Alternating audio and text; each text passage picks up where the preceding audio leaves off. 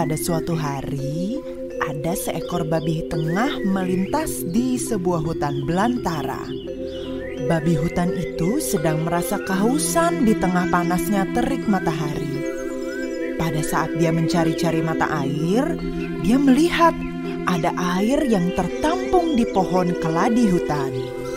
Segera diminumnya air itu untuk melepas dahaga. Ternyata air itu adalah air seni Raja Sungging Perbangkara. Karena kesaktian Raja Sungging Perbangkara, babi hutan itu mengandung setelah meminum air seninya.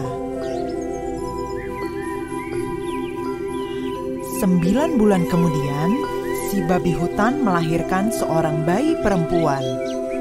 Raja Sungging Perbangkara mengetahui perihal adanya bayi perempuan yang terlahir karena air seninya itu. Ia pun pergi ke hutan untuk mencarinya. Ditemukannya bayi perempuan itu.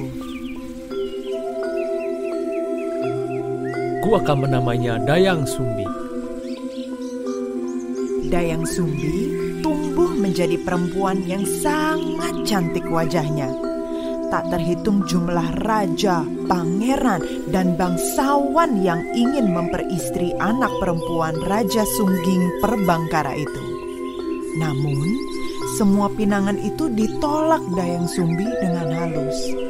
Ternyata, para pangeran, raja, dan bangsawan yang ditolaknya itu saling melakukan peperangan.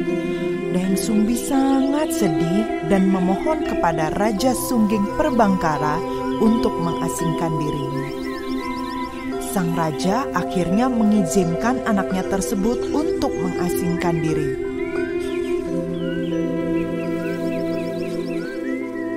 Hanya pastikan kamu aman. Bawalah Tumang, anjing istana kita bersamamu.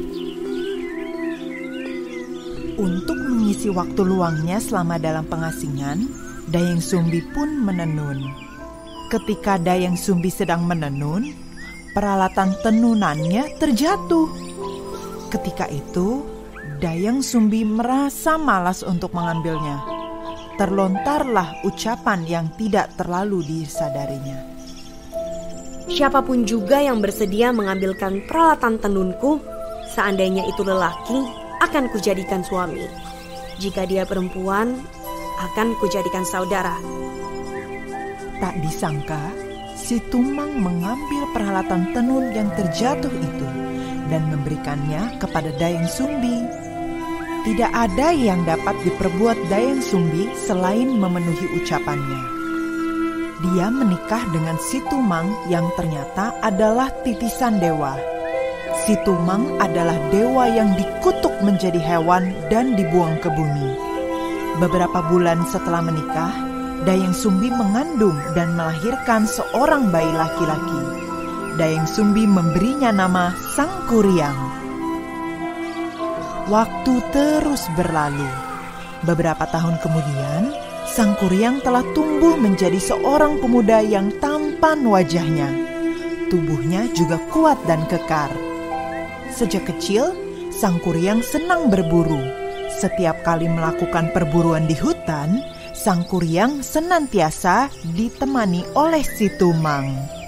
Sama sekali Sang Kuryang tidak tahu bahwa si Tumang adalah ayah kandungnya. Pada suatu hari, Sang Kuryang sedang ditemani si Tumang kembali melakukan perburuan di hutan. Sang Kuryang berniat mencari Kijang karena ibunya sangat menghendaki memakan hati Kijang. Setelah beberapa saat berada di dalam hutan, Sang Kuryang melihat seekor kijang yang tengah merumput di balik semak belukar. Sang Kuryang memerintahkan si Tumang untuk mengejar kijang itu. Sangat aneh, si Tumang yang biasanya penurut, ketika itu tidak menuruti perintahnya. Sang Kuryang menjadi marah. Jika engkau tetap tidak menuruti perintahku, niscaya aku akan membunuhmu. Ancaman Sang Kuryang seakan tidak dipedulikan si Tumang. Karena jengkel dan marah, Sang Kuryang lantas membunuh si Tumang. Hati anjing hitam itu diambilnya dan dibawanya pulang ke rumah. Sang Kuryang memberikan hati si Tumang kepada ibunya untuk dimasak. Dayang Sumbi tidak tahu bahwa hati yang diberikan anaknya adalah hati suaminya. Dia kemudian memasak dan memakan hati itu. Maka naiklah amarah Dayang Sumbi kepada Sang Kuryang ketika dia tahu hati yang dimakannya adalah hati si Tumang. Dia lalu meraih gayung yang terbuat dari tempurung kelapa dan memukul kepala sang kuryang hingga kepala sang kuryang terluka. Kurang ajar, kenapa kamu membunuhnya? Sang kuryang sangat marah dan sakit hati dengan perlakuan ibunya itu. Menurutnya, ibunya lebih menyayangi si Tumang dibandingkan dirinya. Maka, tanpa pamit kepada Dayang Sumbi ibunya, Sang Kuryang lantas pergi mengembara ke arah timur.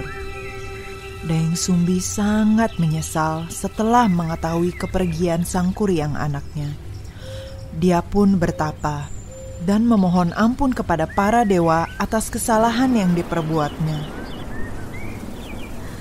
Hai para dewa, ampuni kesalahanku. Para dewa mendengar permintaan Dayang Sumbi mereka menerima permintaan maaf itu dan mengaruniakan Dayang Sumbi kecantikan abadi.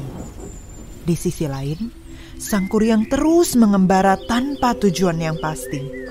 Dalam pengembarannya, Sang Kuryang terus menambah kesaktiannya dengan berguru kepada orang-orang sakti yang ditemuinya selama pengembaraan.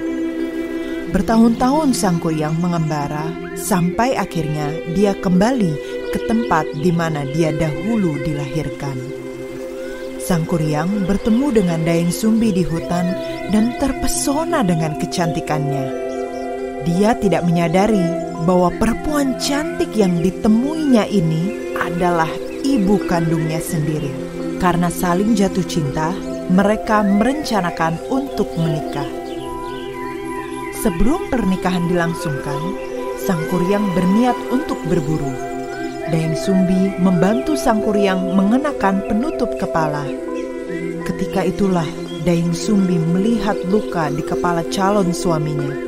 Teringatlah dia pada anak lelakinya yang telah meninggalkannya. Dia sangat yakin pemuda gagah itu tidak lain adalah Sang Kuryang anaknya. Namun, Sang Kuryang tidak memperdulikan penjelasan Dayang Sumbi karena ia sudah jatuh hati padanya ia tetap bersikukuh akan menikahi Dayang Sumbi.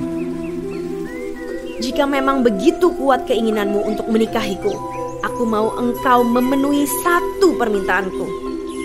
Apa permintaan yang engkau kehendaki?